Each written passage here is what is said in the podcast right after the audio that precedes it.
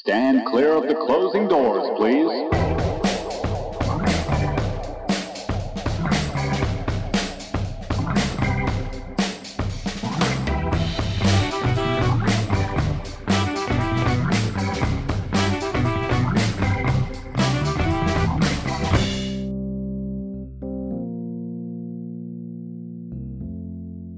Witajcie kochani w pierwszym w tym roku nowojorskim półodcinku transkontynentalnego magazynu filmowego.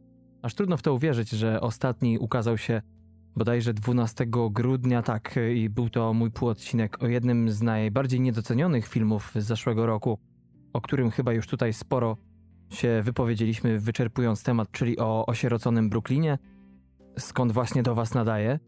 No, oczywiście to nie oznacza, że nie było moich solowych odcinków w tym roku, ale nowojorskie to troszeczkę taki specjalny czas. Czasami uda mi się wybrać coś na te odcinki związane niekoniecznie z samym Nowym Jorkiem, ale przede wszystkim Stanami Zjednoczonymi w taki czy inny sposób. Oczywiście od tej reguły nierzadko bywały odstępstwa, ale przygotowując się do dzisiejszego odcinka i długo tak naprawdę decydując się na produkcję, o której miałbym dzisiaj Wam opowiedzieć, często myślałem o tym, że te Euromixy Patryka traktują o produkcjach z najczęściej Holandii. Tak ja pomyślałem sobie właśnie, że można wrócić do korzeni i coś zaprezentować właśnie typowo amerykańskiego i początkowo tak naprawdę kandydat do tego półodcinka był jeden, film Sofii Coppoli, z tych Coppoli. Jaki to tytuł nie chcę zdradzać, bo mam nadzieję, że o nim zrobię być może kolejny półodcinek. Natomiast y, w ostatniej chwili właśnie tak na dobre wpadł mi w ucho tytuł dzisiejszego serialu, o którym traktuję mój odcinek, czyli serial Netflixa pod tytułem Unorthodox, który wyszedł na tę platformę streamingową już yy, można powiedzieć prawie będzie miesiąc, 26 marca dokładnie. Ten serial czteroodcinkowy się ukazał. Jest to pierwsza propozycja Netflixa, która została zrealizowana patrząc procentowo prawie całkowicie w języku jidysz za ich pieniądze, bo oprócz tego był jeszcze, do tej pory chyba jest, nie wiem czy w Polsce dostępny do streamingu, ale serial izraelski pod tytułem Sztisel. No ale w tym przypadku wydaje mi się, że po prostu Netflix wykupił prawa do tego serialu w sensie takim, iż ukazał się on był już w roku 2013 do 16, trzy sezony się ukazały tego serialu, no i potem Netflix opatrzył to swoim logiem i o tym dzisiaj będzie mowa. No, nie sposób nie wrócić na chwilę do dziwnej sytuacji, która ogarnęła nasz świat i można powiedzieć zmieniła go nie do poznania, zmieni go. W jaki sposób to póki co pewnie możemy się domyślać. Tak mi się wydaje, że czytając różne gazety, różne czasopisma, wywiady z wieloma ekspertami od gospodarki, czy też od technologii, czy też ogólnie od tego, jak my się zmieniamy jako ludzkość, w jakie nowe schematy naszej egzystencji wpadamy, to można skonstatować, że chociaż nie można do końca przewidzieć, jak to wszystko się potoczy i zmieni, to jednak jakieś tam scenariusze są i można powiedzieć, że coś powinno się spełnić, jeśli chodzi o to, jak będzie wyglądała gospodarka po tym, jak już koronawirus lekko odpuści, czy odpuści na tyle, czy my na tyle się przystosujemy, że będzie można jakoś powrócić do no, normalnej, to już nieadekwatne słowo, ale do nowej zupełnie nowej rzeczywistości. Jest to tak nowe, można powiedzieć, zagadnienie. Nie jest to oczywiście nowa pandemia, bo tych już mieliśmy kilka, żeby tylko wspomnieć ebolę, czy zikę, czy grypę ptasią, czy świńską, jeżeli dobrze pamiętam nazwę, czy inne jeszcze SARS na przykład. Te rzeczy dotknęły nas nie tak dawno. No ale nas w cudzysłowie, bowiem skala tamtych wydarzeń była zupełnie inna, a tutaj w przypadku koronawirusa to ten wydaje się dobrze przystosował do nowoczesności, w jakiej od kilku lat dobrych już e, żyliśmy, czyli do postępującej na ogromną skalę czy z ogromną prędkością globalizacji świata, no i też ten wirus się zglobalizował. Wspomniałem o tych gospodarczych przewidywaniach, bo jeśli chodzi o społeczne, to też słucham podcastów trochę, czytam, bo sam nie wiem tak naprawdę o czym, jak o tym myśleć, a to pewnie dlatego, że sam nie chciałbym prognozować niczego gdy jeszcze nie do końca ogarniamy kuwetę, jeśli chodzi o to, co się dzieje. Nie do końca wiemy, co, jak to wszystko ruszy, więc i mnie samemu ciężko jest w ogóle to ogarniać, a tak mam w życiu, że nie lubię się stresować. Tak reaguję na tę sytuację właśnie związaną z pandemią. Nowy Jork, jak wspominałem w ostatnim pełnym odcinku, czy też może to było podsumowanie jeszcze roku, dodatek serialowy. Tam była mowa o tym, że to jest tak naprawdę nie do ogarnięcia tutaj, bo słyszy się jedynie karetki, chociaż już teraz bardzo, bardzo rzadko to muszę przyznać, że częstotliwość sygnałów praktycznie już jest niezauważalna, więc wydaje się, że sytuacja w Nowym Jorku i w ogóle w stanie Nowy Jork została opanowana względnie rzecz biorąc. Podobno wszystkie liczby spadają, zarówno zgonów, jak i ludzi przebywających na oddziałach intensywnej terapii, podłączonych do respiratora. Jedynym problemem, podobno jeszcze do niedawna, nie wiem jak to teraz się kształtuje, było to, że Nowy Jork odnotowywał bardzo dużo zachorowań dziennie, ponad 2000, więc to jest sporo. To jakaś masakra w ogóle, bo potwierdzonych jest o wiele mniej niż mówi się, że naprawdę ludzi zachorowało. Ja wiem, rozmawiając ze znajomymi z pracy, którzy też zachorowali na tego wirusa i podobnie jak ja go przeszli, że u nich całe domy padały, piątka, szóstka współlokatorów nierzadko. Mówi się nawet o około milionie zachorowań tutaj w samym mieście, co jest, y, no, zatrważającą liczbą z jednej strony, bo jest to jeden mieszkaniec na prawie dziewięciu, który czy która dostąpiła tego, można powiedzieć, mimo wszystko bardzo ekskluzywnego, procentowo rzecz biorąc, zaszczytu, jakim właśnie było zachorowanie na COVID-19. Z drugiej strony, człowiek ma nadzieję, że jednak te przewidywania się sprawdzą, że jako ludzkość będziemy w stanie zbudować odporność organizmu na ten wirus, który ma podobno wrócić.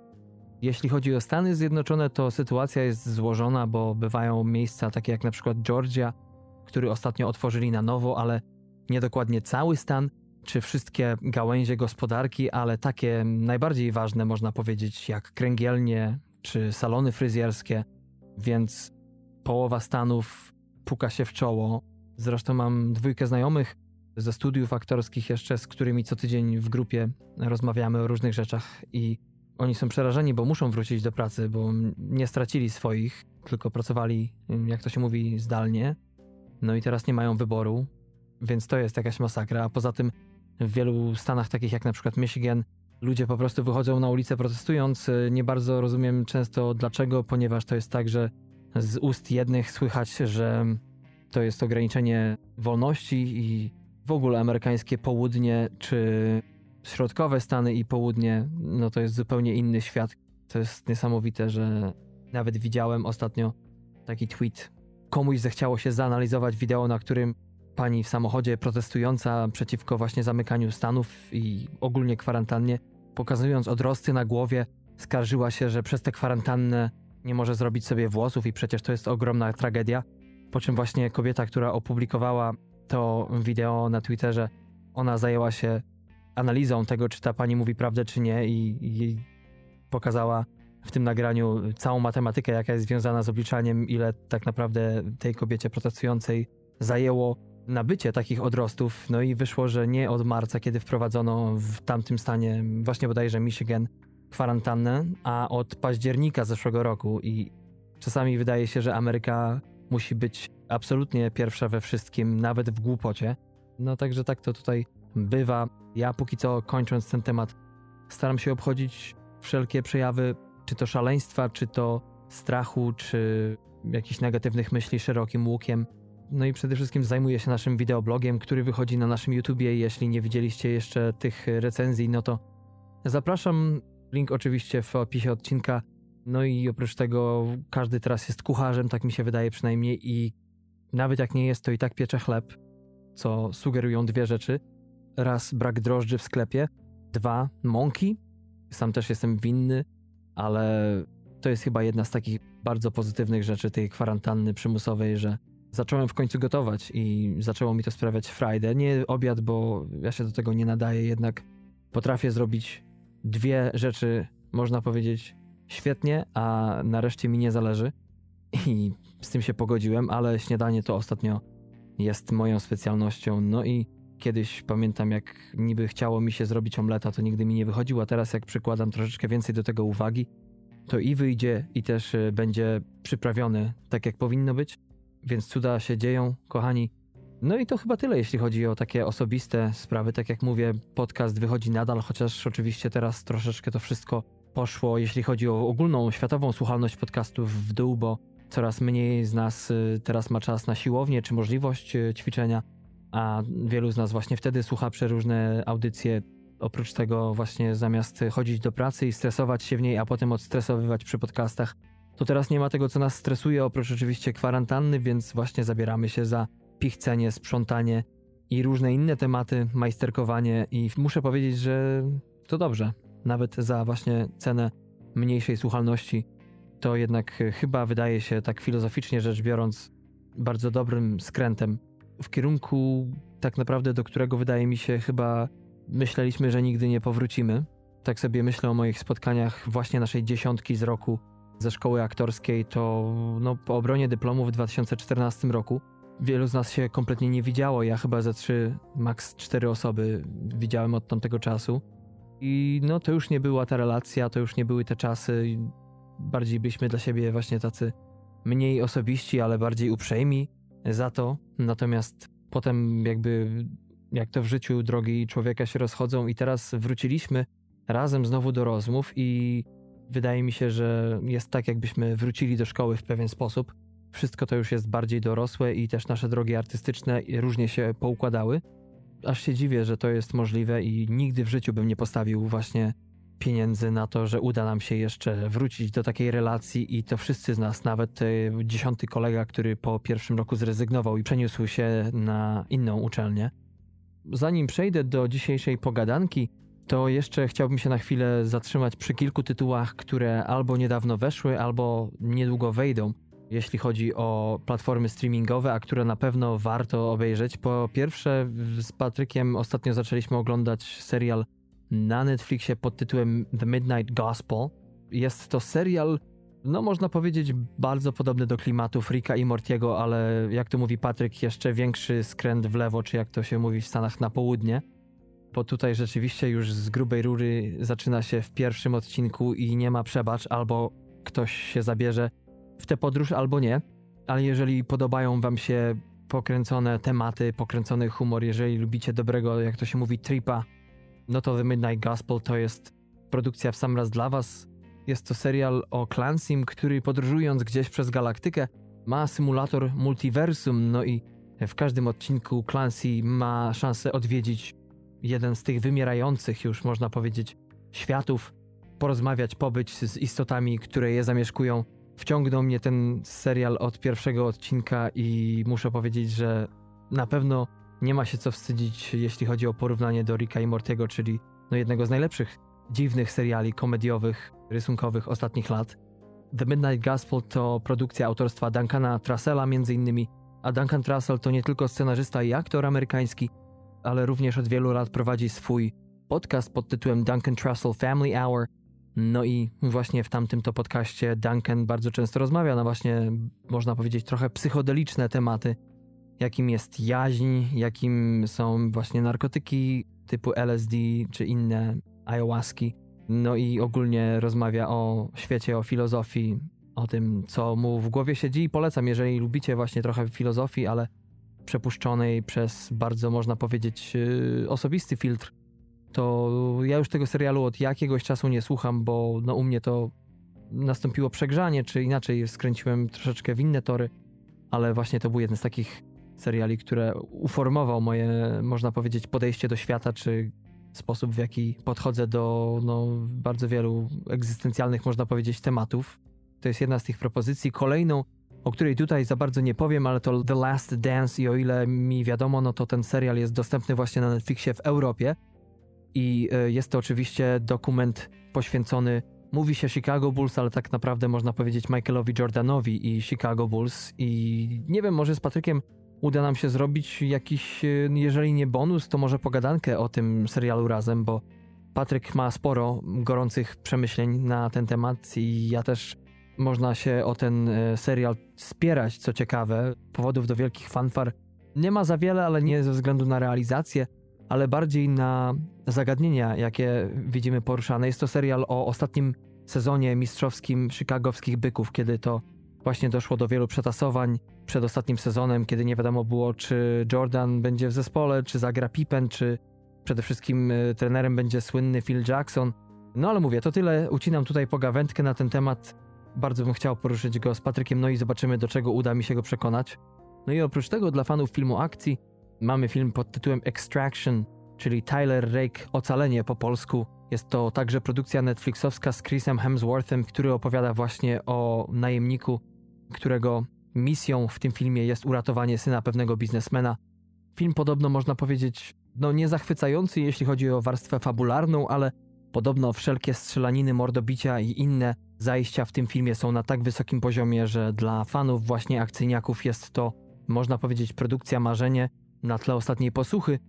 Na tle ostatniej posłuchy, bo przynajmniej moim zdaniem Angel Has Fallen z Morganem Freemanem, no tamten film niestety nie zrobił mi i Geraldem Butlerem tak bardzo, a tutaj jednak wydaje się, że jeżeli ktoś chce się rozerwać właśnie przy takiej naparzance, no to macie jak znalazł. No i oprócz tego niedługo, bo już na początku maja na Netflixie pojawi się The Eddie, czyli serial współreżyserowany m.in. przez Damiena Chazela, czyli oscarowego reżysera najmłodszego w historii w tej kategorii za film La La Land. No i ten reżyser reżyseruje w tym serialu m.in. naszą Joasię Kulik w historii o afroamerykańskim właścicielu klubu jazzowego w Paryżu. Jest to mocno muzyczny serial. Oczywiście będzie dołączony zwiastun do tej produkcji w poście do odcinka. Dużo sobie po tym serialu obiecuję, chociaż to nadal Netflix, a tutaj można powiedzieć z tym szczęściem to bywa różnie, ale mimo wszystko ściskam kciuki i ostatnią propozycją, kochani, jeśli chodzi o komedię tym razem, ale także zostajemy w klimacie serialu, jest Afterlife 2. Już wielokrotnie na łamach czy to właśnie podcastu, czy wideobloga mówiłem o tym serialu i chwaliłem go, zrobiłem nawet bodajże bonusa czy pół odcinek, już nie pamiętam, autorstwa Rickiego Gervaisa wszedł na Netflix 24 kwietnia. Także mocno, mocno, kochani, zapraszam na czarną komedię iście w stylu brytyjskiego komika. Unorthodox, kochani. To bardzo ciekawy serial i tak jak powiedziałem na wstępie dzisiejszego odcinka, nie mogła mi się trafić lepsza propozycja mimo wszystko, bo jest on nie tylko związany z Nowym Jorkiem, czy z Brooklynem, w którym mieszkam, ale pierwsze pół roku po przeprowadzce do Nowego Jorku mieszkałem w dzielnicy Crown Heights i jest to jedna z tych dzielnic, które są właśnie typowo żydowskie, hasyckie. Crown Heights to akurat 50-50, połowa z Karaibów, głównie z Jamajki, a połowa to właśnie po drugiej stronie, można powiedzieć, takiej drogi szybkiego ruchu, która przecina nie tylko te dzielnice, ale i w ogóle Brooklyn. Mieszkają w zupełnie inaczej wyglądającej części, bardziej przypominającej trochę, można powiedzieć, Londyn. No i swego czasu pracowałem właśnie w koszernej kawiarni, więc miałem do czynienia z, ze społecznością właśnie hasycką i to akurat był Chabad pochodzenia rosyjskiego, polskiego. Dzisiejszy serial rozgrywa się także w Brooklynie, ale bardziej na północy Crown Heights. Mowa tutaj o Williamsburgu, czyli głównie dzielnicy znanej przede wszystkim z hipsterii, z świetnych barów, restauracji, z życia muzycznego i z tego, że wszyscy chodzą w pożyczonych rzeczach, czy też tych z lumpeksów. No ale też bardzo dużą częścią tej dzielnicy i w ogóle przepiękną częścią, jeśli chodzi o architekturę, jest właśnie ta część Williamsburga zamieszkała przez społeczność żydowską, której korzenie sięgają z tego, co dokładnie wiem, to na pewno Ukrainy, ale też właśnie jak w serialu słyszymy Węgier.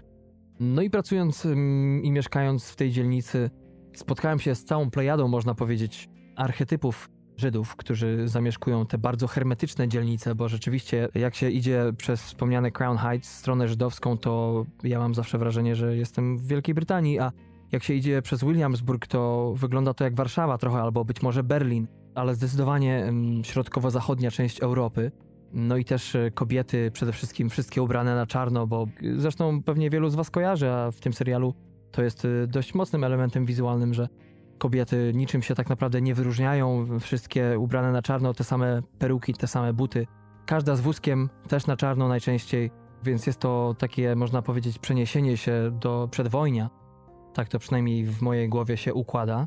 Co ciekawe, ze względu właśnie na tą ortodoksję, na ten konserwatyzm, jeśli chodzi przede wszystkim kobiety, bo no tutaj to jest e, ciekawa, żeby nie powiedzieć kontrowersyjna sprawa, że panowie z drugiej strony, no to to jest pełen pokaz mody, bo albo mają wysokie białe rajstopy i do nich wielkie futrzane nakrycia głowy, pejsy i przeróżne inne elementy ich religijnego ubioru. Na co dzień oczywiście mężczyźni, zwłaszcza tutaj po stronie polsko-rosyjskiej, po stronie Crown Heights, y, ubierają się tak samo bardzo skromnie, czyli czarne spodnie, czarna marynarka, do tego biała koszula nigdy z krawatem, jarmuka oczywiście. I co ciekawe, tak jak jeden z bohaterów w dzisiejszym serialu Mosze, o nim jeszcze za chwilę, co chwilę chodzi z plastikową czarną reklamówką, w której albo to właśnie ma kole, albo jakieś y, owoce. to tak samo to miało miejsce właśnie w tej mojej dzielnicy. Do końca nie rozgryzłem, dlaczego tak to się dzieje, ale to jest niesamowite, że jak tylko zobaczyłem ten element w serialu, to od razu aż e, oboje z żoną zakrzyknęliśmy, że no rzeczywiście odwzorowanie serialowe świata jest, można powiedzieć, bliźniacze temu, który można doświadczyć samemu. No i wracając do dzisiejszego serialu, kochani, to powstał on, jak bywa w takich przypadkach, na podstawie powieści. Unorthodox, jak porzuciłam świat ortodoksyjnych Żydów autorstwa Deborah Feldman z 2012 roku i jest on, można powiedzieć, luźno oparty na książce, której nie czytałem, ale z tego, co zdążyłem się dowiedzieć, to właśnie ta część amerykańska, jeśli chodzi o wydarzenia, jest bardzo wiernie odwzorowana, a potem drugie miejsce akcji, czyli Berlin, to już jest, no, można powiedzieć, artystyczna licencja na odejście od oryginału. Debra Feldman zresztą pracowała jako współscenarzystka przy dzisiejszej produkcji, a także ma malutkie cameo w jednej ze scen. No a serial opowiada o 19-letniej kobiecie Esther Shapiro, która jest członkinią ultrakonserwatywnej społeczności żydowskiej właśnie z bruklińskiego Williamsburga, która pewnego dnia ucieka do Berlina w poszukiwaniu nowego życia, a kierunek ucieczki pośrednio, można powiedzieć, podyktowany jest faktem, iż mieszka tam jej matka, która sama zresztą była, opuściła hasycką społeczność nowojorską, opuszczając wtedy zarówno męża, z którym jej się, i to z wielu powodów, o których dowiecie się więcej z serialu, nie układało, ale także właśnie córkę, oddając ją na wychowanie babci oraz ciotki. W rolę Esther Shapiro wcieliła się tutaj Shira Haas, izraelska aktorka, i muszę powiedzieć, że Shira tutaj jest dla mnie rzeczywiście objawieniem tego roku. Szkoda, można powiedzieć, z jednej strony, że nie jest Amerykanką i nie może być jej więcej w bardziej mainstreamowych produkcjach, ale z drugiej strony jest też ogromną zaletą to, że mm, występuje w coraz to większej ilości właśnie filmów izraelskich, o których e, można powiedzieć jakości nie mogę się do końca wypowiadać, bo nie za wiele tych filmów przejrzałem, ale jest kilka tam bardzo ciekawych propozycji. No i Shira Haas robi ogromną, ogromną karierę, grając coraz większe role w filmach, chociaż można powiedzieć, że prawie identyczne jej, można powiedzieć, amplua Target, w który idealnie uderza, to młoda dziewczyna, która właśnie albo stoi w konflikcie do swojej społeczności, albo do matki czy ojca. Tę aktorkę możecie kojarzyć y, z dwóch tak naprawdę rzeczy: z serialu Sztisel Netflixowym, o którym już wspomniałem, o tytułowej rodzinie, która mieszka w Jerozolimie. Od taki można powiedzieć klan dwu bodajże, czy trzy sezonowy w oryginale, nie pamiętam ile na Netflixie jest tych odcinków, ale tutaj w tym serialu gra można powiedzieć, jedną z głównych ról, natomiast można ją jeszcze było widzieć w filmie Azyl z 2017 roku Nikki Caro z Jessica Chastain, który to ten film może pamiętacie, opowiadał o warszawskim zoo i jego właścicielom Janinie i Antonim Żabińskich, którzy próbowali ratować zwierzęta w trakcie okupacji stolicy przez wojska niemieckie. Jeśli chodzi o serial, to dotyka on bardzo skomplikowanego tematu, bo jest to mocno skomplikowany świat, i tutaj głównym motywem przewodnim jest opresja, bo z jednej strony mamy dziewczynę, która no, miała ogromne nieszczęście, że urodziła się w nie tej nie tylko rodzinie, ale też kulturze, co trzeba, przynajmniej jeśli chodzi o jej zdrowie fizyczne i psychiczne, a z drugiej strony mamy świat religijnych Żydów.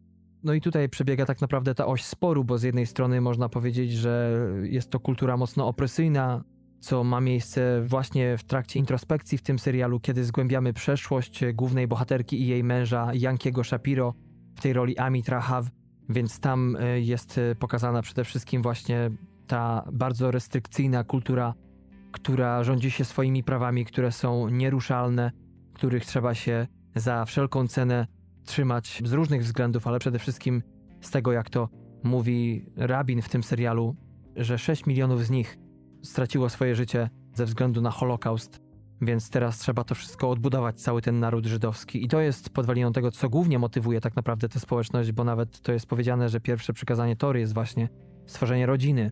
No i z jednej strony właśnie mamy społeczność, która trawiona, można powiedzieć, traumą przeszłości w mniejszym lub większym stopniu, pojmuje w dany sposób swój świat, a z drugiej strony właśnie mamy kobietę, która oczywiście może odejść z tej, teoretycznie przynajmniej tak się słyszy, że każdy może odejść z tej religii, niektórzy nazwaliby to sektą, no ale z drugiej strony, jak pokazuje ten serial, jeśli wierzyć pamiętnikowi napisanemu właśnie przez Deborah Feldman, no to nie jest to taka sprawa oczywista, bo tutaj nasza główna bohaterka ucieka, ale społeczność żydowska nie może sobie tak pozwolić, żeby kobieta uciekła, bo po prostu położy się to cieniem na społeczności żydowskiej, a do tego będzie stanowiło bardzo niebezpieczny precedens. No, precedens może to nie, bo te ucieczki się zdarzały i to nie tylko jeśli chodzi o Stany Zjednoczone, a tak naprawdę wszędzie na świecie, o czym jeszcze za chwilę będzie. No i z jednej strony można powiedzieć, że apologeci tej kultury powiedzą, że no, no, oczywiście nie ma tutaj żadnego problemu, bo jeżeli kobieta nie czuje z tego powodu żadnego dyskomfortu, jeżeli ją to nie uwiera, a po prostu stosuje się do reguł, które ta religia, ten dany odłam wyznacza, no to przecież gdzie tu jest czynione zło? No ale z drugiej strony pojawią się głosy, że to się ogranicza czyjeś życie. No i to jest powodem, że nigdy tutaj nie dojdziemy tak naprawdę do porozumienia a propos tego. Jedni będą albo w stanie to zrozumieć, drudzy będą się temu sprzeciwiali, trzeci będą z tym wojowali. Świat progresywny murem staje za podobnymi dramatami kobiet, a społeczności żydowskie działają zbyt prężnie, by te pojedyncze tąpnięcia wywróciły sprawy do góry nogami. No i właśnie tak jak wspomniałem, tutaj ten dramat kobiety, ogromny dramat, jest tą główną optyką tej opowieści. I chyba tutaj muszę powiedzieć, że ogólnie jeśli chodzi o ten konflikt, to wielkim plusem tego serialu jest to, że pokazuje właśnie nie tylko złożoność problemu, ale przede wszystkim mimo tego, że nie wszystkie postaci otrzymują ten sam czy wystarczający czas ekranowy, to twórcom udało się przemycić nawet w małych momentach bardzo wiele psychologii, bardzo wiele rysów charakterologicznych danych postaci, pierwszo, drugo czy nawet trzecioplanowych. Dlatego nie tylko mamy tutaj Ester, której los jest nie do pozazdroszczenia i zakładam, że zdecydowana większość, jeśli nie wszyscy, staniemy po jej stronie. Tak jak wspomniałem, ze swoim indywidualizmem, ze swoim wrodzonym oporem wobec kultury, która dała jej życie, kultury, która nie daje jej ani sekundy na oddech, na podjęcie samodzielnej decyzji odnośnie czegokolwiek. I to tak naprawdę od początku ją trawi. Natomiast w momencie, kiedy ma bodajże 18 lat, bo retrospekcje dotyczą pierwszego roku jej małżeństwa, więc w wieku 18 lat zaczęły się te wszystkie rzeczy dziać, które zazwyczaj dzieją się, jeśli chodzi o młode kobiety, czyli proces wydawania kandydatki za mąż i jak to w tych kulturach bywa, oczywiście nie ma tutaj randek, nie ma tutaj chodzenia na dyskoteki czy wymieniania się numerami. Tutaj musi być swat, matchmaker i to ta osoba, tak mi się wydaje, że zazwyczaj, jeśli nie zawsze kobieta, robi przeróżne sądowania wśród rodzin, wśród zainteresowanych. Potem dochodzi do tak zwanych awkward moments kiedy to nie spędziwszy ze sobą praktycznie ani minuty. Statystycznie rzecz biorąc, y, młodzi już po ceremonii dość mocno kolorowej zaślubin, jest to jedna z moich ulubionych scen, jeśli chodzi o całą masę żydowskich zwyczajów, które są w tym serialu zawarte. Nie zdziwcie się, jeżeli po czterech odcinkach tego serialu będzie się wam wydawało, że po prostu uznacie zwyczaje żydowskie od A do Z, ale właśnie po tych zaślubinach para ma w końcu możliwość spędzenia po raz pierwszy czasu sam na sam. I cała droga naszej Ester jest przerażająca, można powiedzieć, patrząc na to, jak ona na to reaguje. Co też bardzo mi się podoba, to to, jak jej postać potrafi przezwyciężać swoje słabości. I nieważne co się dzieje, to ona jednak zawsze jakoś sobie z tym poradzi. Można powiedzieć, jest to niby typowy, ale jednak dość niecodzienny archetyp fightera. No i mamy też jej męża, który z jednej strony jest człowiekiem no, nie tyle ułomnym, co można powiedzieć, że bardzo mocno powodowanym indoktrynacją, zwał jak zwał, który jest przykładnym Żydem i wszystko wypełnia tak, jak Tora przykazała od A do Z. No ale z drugiej strony widzimy też, że jest to człowiek dobry, człowiek pogubiony, człowiek, który ma szansę na przełamanie swoich horyzontów, poszerzenie ich, który tak naprawdę nigdy nie chce czynić zła. Łamie serce człowiekowi to, jak radzi sobie z całą sytuacją, a potem jak przybywa do Berlina razem ze swoim wspomnianym już przeze mnie kuzynem Mosze Lewkowiczem i tam próbują znaleźć dziewczynę. No bo tak jak wspomniałem, jednym z tropów jest to, że właśnie matka dziewczyny mieszka w e, tym mieście, tam się wyprowadziła. Te wszystkie postaci, czyli zarówno właśnie i Ester, jej mąż Janki, jak i właśnie Moshe Lewkowicz, którego gra niemiecki aktor izraelskiego pochodzenia Jeff Wilbush, który został, podobnie jak główna bohaterka w tym serialu, wychowany także w podobnie konserwatywnym otoczeniu, z którego wyswobodził się, uwaga, w wieku 13 lat. I tego sobie kompletnie nie potrafię wyobrazić, jak trzynastolatek mógł potrafić się odnaleźć w takiej sytuacji. No, może nie podcast na to, żeby o jego losach opowiadać, ale jest dosyć taki ciekawy smaczek, tym bardziej, że grany przez niego Mosze, no jest człowiekiem mocno, można powiedzieć, problematycznym, który wszedł niestety w konflikt ze swoją kulturą, z której był, wyszedł na jakiś czas, teraz wrócił, co jednak nie pozwoliło na pełne uregulowanie można powiedzieć w cudzysłowie, zaległości i teraz wszystko w jego mocy, by pomóc swojemu kuzynowi odnaleźć jego żonę, a e, dzięki temu być może coś e, rabin będzie mógł wskórać, żeby i w jego sytuacji dość dziwnej, w jakiej się znalazł z powrotem w swojej społeczności, mógł zaradzić. Wszystkie postacie wymienione przeze mnie są bardzo autentyczne i tak naprawdę nawet Mosze, który można powiedzieć jest takim troszeczkę hej do przodu twardzielem, który kroczy swoją ścieżką mimo wszystko, który jest bardziej bezczelny, który nie kłania się tak naprawdę przez nikim z jednej strony, tak by się wydawało, ale z drugiej strony jednak widać też wiele momentów, kiedy wychodzi u niego ten religijny automatyzm, kiedy jednak e, jeżeli bierze udział w jakiejś uroczystości religijnej, czy po prostu się modli, to nie robi tego na pół gwizdka i od niechcenia, bo tak po prostu trzeba, bo tak kazali, tylko rzeczywiście tutaj angażuje się w pełni, dzięki czemu nie możemy go nie lubić. Wiele rzeczy, które czyni, znając kontekst, jednak łagodzi jego ocenę moim zdaniem. Ogólnie chyba największym plusem y, całego serialu jest przedstawienie właśnie świata hasyckiego, świata williamsburgskiego, ponieważ e, tutaj rzeczywiście mamy nie tylko całe bogactwo kultury żydowskiej, ale też przepięknie odtworzone realia dzielnicy. Co ciekawe, wszystkie wnętrza były kręcone w Berlinie, bo tam większość produkcji miała miejsce, natomiast trochę pleneru jednak zostało nakręcone tutaj w Nowym Jorku. I sposób, w jakim zostały zrealizowane rozmaite uroczystości, jest e, z jednej strony bardzo ciekawym, dydaktycznym zabiegiem, bo człowiek dowiaduje się bardzo wielu rzeczy i niektóre rzeczy się powtarzają, co sprawia, że łatwiej zapamiętać ten świat. To też ważne jest w kontekście tego, że jednak trochę tej akcji dzieje się tam i gdybyśmy za każdym razem uczyli się zwyczajów non-stop, to jednak to mogłoby odwrócić naszą uwagę od innych rzeczy, a tak jednak twórcy moim zdaniem zrobili tutaj świetną robotę. Przede wszystkim Aleksa Karoliński, niemiecka scenarzystka, reżyserka, której ogromną zasługą jest właśnie scenariusz y, do tego serialu, który współtworzyła właśnie z autorką książki, y, na podstawie której luźno została oparta akcja serialu.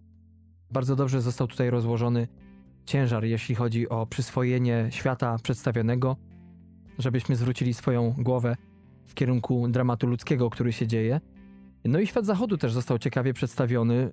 Ale z nim jest y, jednak problem i można powiedzieć, że największym zarzutem, jeśli chodzi zarówno o widzów, jak i krytyków tego serialu, jest to, że jednak dzieje przedstawione w Berlinie, kiedy to nasza bohaterka poznaje berlińskich studentów, którzy pomagają jej w pierwszych dniach jej pobytu w Berlinie, z którymi się zaprzyjaźnia, z którymi też y, bardzo często nie ma łatwej drogi.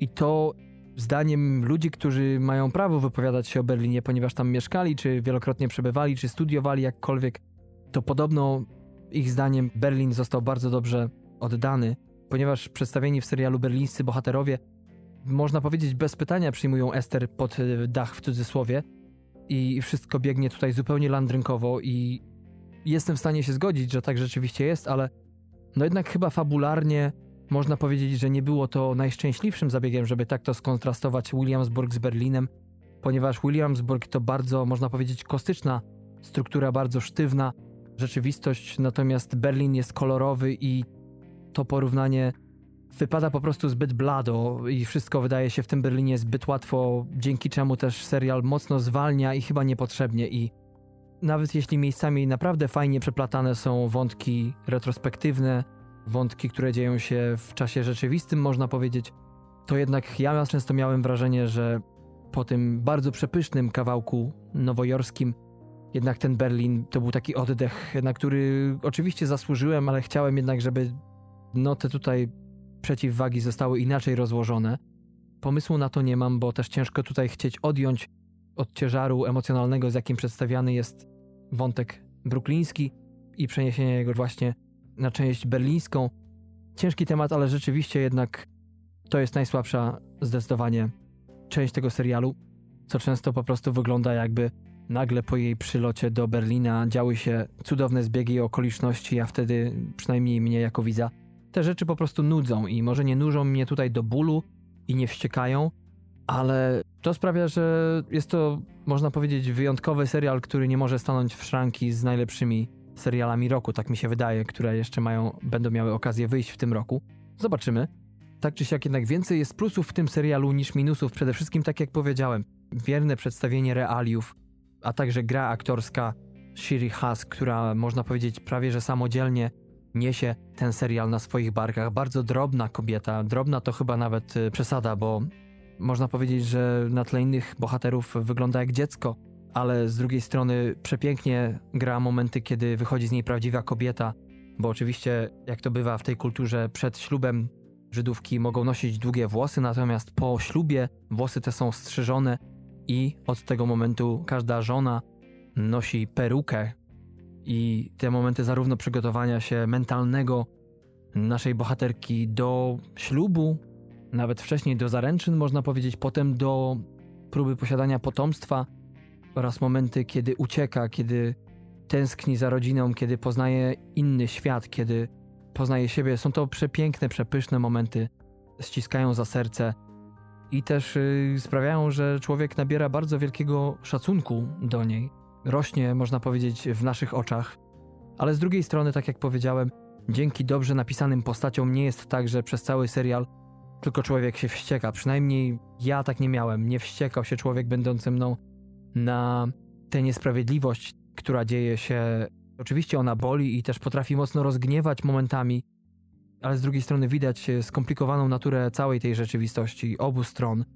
I tak naprawdę tego, że jedynym sposobem na rozwiązanie jest po prostu zresetowanie świata, w cudzysłowie, żeby to wszystko jakoś inaczej poukładać.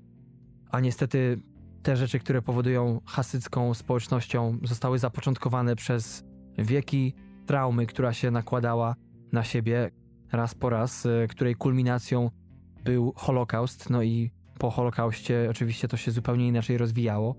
I są społeczności żydowskie, które się asymilują bez problemu. Zresztą tak też było w Polsce przed wojną, gdzie można to nawet e, wyczytać. Polecam, zresztą słyszałem, że książka Kwietnia w Polsce, czy najlepsza w tym kwartale, tego roku Król Szczepana Twardocha, ostatnio mojego ulubionego pisarza. Królestwo już nie takie dobre moim zdaniem, ale Król to jest powieść, tak już odchodząc od tematu lekko, którą bardzo gorąco wam polecam. No i tak jak mówię, to tyle, jeśli chodzi o wszelkie za i przeciw y, minusy. Nie mogą przysłonić tutaj plusów i wydaje mi się, że mimo wszystko dostaniecie tutaj bardzo, ale to bardzo ciekawy świat w czterech odcinkach, po około bodajże godzinę każdy więc nie jest to za długa seria, nie jest za krótka. To jest jej pierwszy sezon, więc jeżeli wydaje się wam, że jest, można powiedzieć, ona nie do końca rozwiązana, czy wszystko to jest takie trochę przyspieszone, to z jednej strony będziecie mieli rację, a z drugiej, no cóż, może trzeba poczekać na drugi sezon, ponieważ tak jak na przykład w przypadku Babylon Berlin, myśmy z Patrykiem go zupełnie inaczej oglądali, bo Patryk obejrzał tak jak to wyszło w oryginale, dwa sezony po bodajże 8 odcinków, a na Netflixie było 16 bez rozpiski na sezon. Więc ja oglądając 16 po sobie zupełnie inaczej tę akcję nabudowywaną odczuwałem zupełnie to inny miało oddźwięk u mnie. Natomiast Patryk widział te rzeczy już nieco inaczej i u niego na koniec pierwszego sezonu było sporo niedopowiedzeń, no ale potem okazało się, że drugi sezon jakoś to wyrównał. Można było inaczej to poprowadzić i w tym przypadku, co ciekawe, być może to właśnie Netflix miał rację. Gorąco polecam, kochani, jeszcze raz Unorthodox Cztery około godzinne odcinki, jeden z lepszych seriali w tym roku, jaki widziałem. Niewiele ich jeszcze wyszło, ale mogę powiedzieć, że jest w czołówce i tak jak w zeszłym roku Russian Doll, ale to był styczeń, to było takie wielkie uderzenie Netflixa, to teraz można powiedzieć Orthodox lepiej późno niż wcale w pierwszym kwartale. E, Okej. Okay. Dam temu serialowi 13,5. Może lekko cena jest zawyżona o jeden punkt, ze względu właśnie na cały bagaż kulturowy, na całe to bogactwo, ale mimo wszystko ja wezmę w ciemno każdą produkcję, która przy swoich minusach potrafi porwać swoimi plusami. Mocno, mocno polecam, kochani. Zapraszam serdecznie. To tyle na dziś, jeśli chodzi o moją pogawędkę. Dziękuję serdecznie za kolejne godziny spędzone ze mną. Jesteśmy bardzo wdzięczni za każdą formę sympatii, kochani, za każde ściągnięcie odcinka za odwiedzinę naszej strony internetowej. Polecam serdecznie, jak nie mieliście jeszcze okazji. Nowa, nowiuszka, nowiuteńka, ledwo co śmigana www.tmfpodcast.com Oprócz tego jesteśmy dostępni także na Instagramie i Facebooku pod aliasem TMF Podcast, a na Twitterze TMF Dolny podkreślnik podcast. Oprócz tego, jak wspomniałem na początku, zapraszam również na naszego wideobloga na YouTubie. Tam innymi możecie posłuchać mojej recenzji o serialu Hunter z stacji Amazon produkcji Jordana Pila z Alem Pacino o pogromcach nazistów w Stanach Zjednoczonych w latach 70. Oprócz tego znajdziecie tam recenzję najnowszej animacji Pixaru pod tytułem Onward, czyli po naszemu naprzód. No ale też oczywiście, jeżeli nie macie okazji czy ochoty na oglądanie wideoblogów, bo te rzeczy Was po prostu nie ruszają, no to te najważniejsze odcinki będą się także pojawiały na naszym feedzie podcastowym, także trafią do Was na apki, będą to mini recenzje, zazwyczaj poniżej 9 minut, więc e, zupełnie trochę inne tło, zupełnie inny styl, bo jest to de facto audio z e, odcinka wideo, dlatego też jeżeli macie ochotę na trochę treści graficznej, a nie tylko suchą, słowną recenzję, no to odsyłamy do naszego kanału na YouTubie, kochani. To tyle, jeśli chodzi o dziś. Jeszcze raz zapraszam na kolejne odcinki. Teraz będzie pora na pełny. Za dwa tygodnie ukaże się razem z Patrykiem. Już mamy wybrany film i będzie to jeden z najlepszych filmów, jaki kiedykolwiek w życiu widziałem. Jednego z najbardziej cenionych przeze mnie reżyserów amerykańskich, tyle tylko zdradzę. Aż dziw bierze, że ten film jest tak, przynajmniej jeśli chodzi o film mało znanym, jeśli chodzi o tego fenomenalnego reżysera. Nie jest to jego debiut bynajmniej, jest to jego, można powiedzieć, jeden z niedawnych filmów dostępny na Netflixie, przynajmniej w Stanach Zjednoczonych, ale do kolejnego odcinka sprawdzimy także, czy możecie go w Polsce streamować, czy też trzeba będzie go zdobyć z innych miejsc. To jeśli chodzi o odcinek podcastu, natomiast jeśli chodzi o wideoblog, to w najnowszym odcinku za kilka dni recenzja niedawnego horroru pod tytułem Niewidzialny Człowiek z Elizabeth Moss, czyli gwiazdą takich seriali jak Pamiętnik Podręcznej czy też Mad Men. To tyle na dziś, kochani. Naprodukowałem się. Dziękuję serdecznie. Pozdrawiam. Trzymajcie się ciepło, bądźcie bezpieczni. Mamy nadzieję, że to wariactwo wkrótce odpuści i że będzie można zacząć budować nową, świeżą normalność na nowo już niedługo. Kłaniam się nisko. Do usłyszenia. Cześć.